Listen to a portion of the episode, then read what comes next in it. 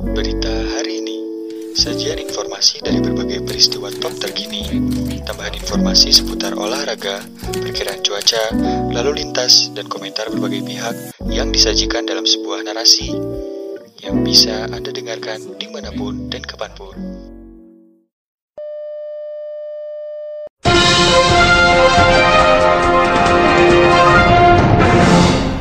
Pemirsa berita hari ini datang dari dunia nasional. Sebanyak 200 pekerja migran Indonesia PMI atau tenaga kerja Indonesia TKI atau buruh migran yang dipulangkan ke Indonesia melalui Batam dan Tanjung Pinang terkonfirmasi positif COVID-19.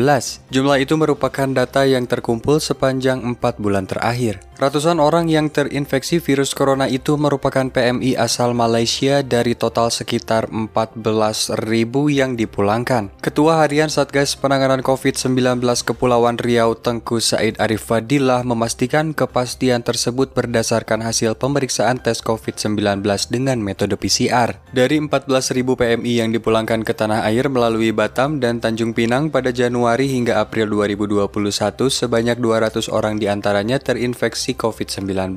Ini terungkap berdasarkan hasil pemeriksaan uji asap dengan metode PCR terhadap PMI yang baru tiba di Batam. Ungkap Tengku Said Arif Fadilah di Tanjung Pinang dikutip dari Antara. Arif mengungkapkan jumlah PMI asal Malaysia yang dipulangkan melalui Batam jauh lebih banyak dibanding Tanjung Pinang. Atas kondisi tersebut, Pemprov Kepulauan Riau telah mengingatkan instansi terkait untuk memperketat pola penanganan kepulangan buruh migran ke Indonesia. Salah satu yang perlu dipastikan, kata Arif, pemeriksaan uji asap terhadap PMI harus dilakukan secara cepat. Hasil pemeriksaan PCR harus diketahui paling lama sehari, jangan sampai berhari-hari karena dapat menimbulkan permasalahan, tutur dia. Adapun untuk bulan ini terdapat 142 orang pekerja migran Indonesia asal Malaysia yang pulang melalui Batam. Sebanyak tujuh orang di antaranya terkonfirmasi COVID-19.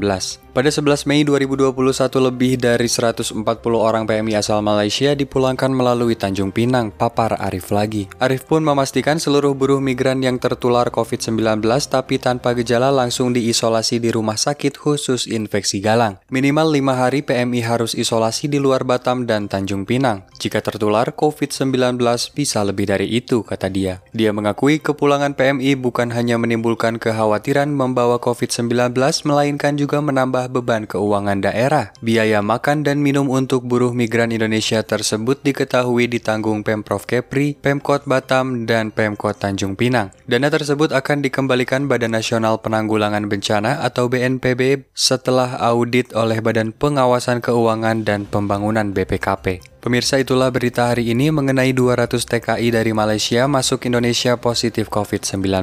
Untuk Anda yang ingin mendapatkan notifikasi berita hari ini, Anda dapat mengirimkan email dengan subjek notifikasi saya ke email terhubung berita hari ini at gmail.com secara gratis. Terima kasih telah mendengarkan, tetap patuhi protokol kesehatan selama COVID-19. Saya Zaid pamit undur diri, sampai jumpa di berita-berita berikutnya.